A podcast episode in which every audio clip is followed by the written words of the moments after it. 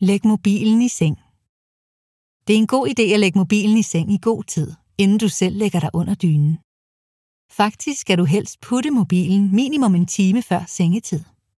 Hjernen producerer nemlig søvnhormonet melatonin, som er vigtigt for at gøre dig døsig i takt med lysets rytme.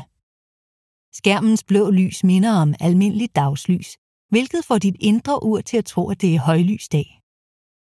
Meningen er, at dit indre ur skal signalere til din hjerne, at det nu er tid til at sove. Men det kraftige lys fra digitale enheder forhindrer din melatoninproduktion i at sætte ordentligt i gang.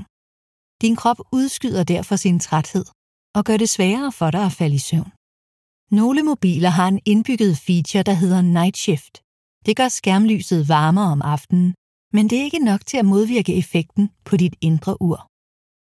Så hold den sidste time helt fri for skærmlys, inden du lægger dig til at sove. Og fokuser i stedet på søvndysende aktiviteter, for eksempel med en sudoku, som den på side 85.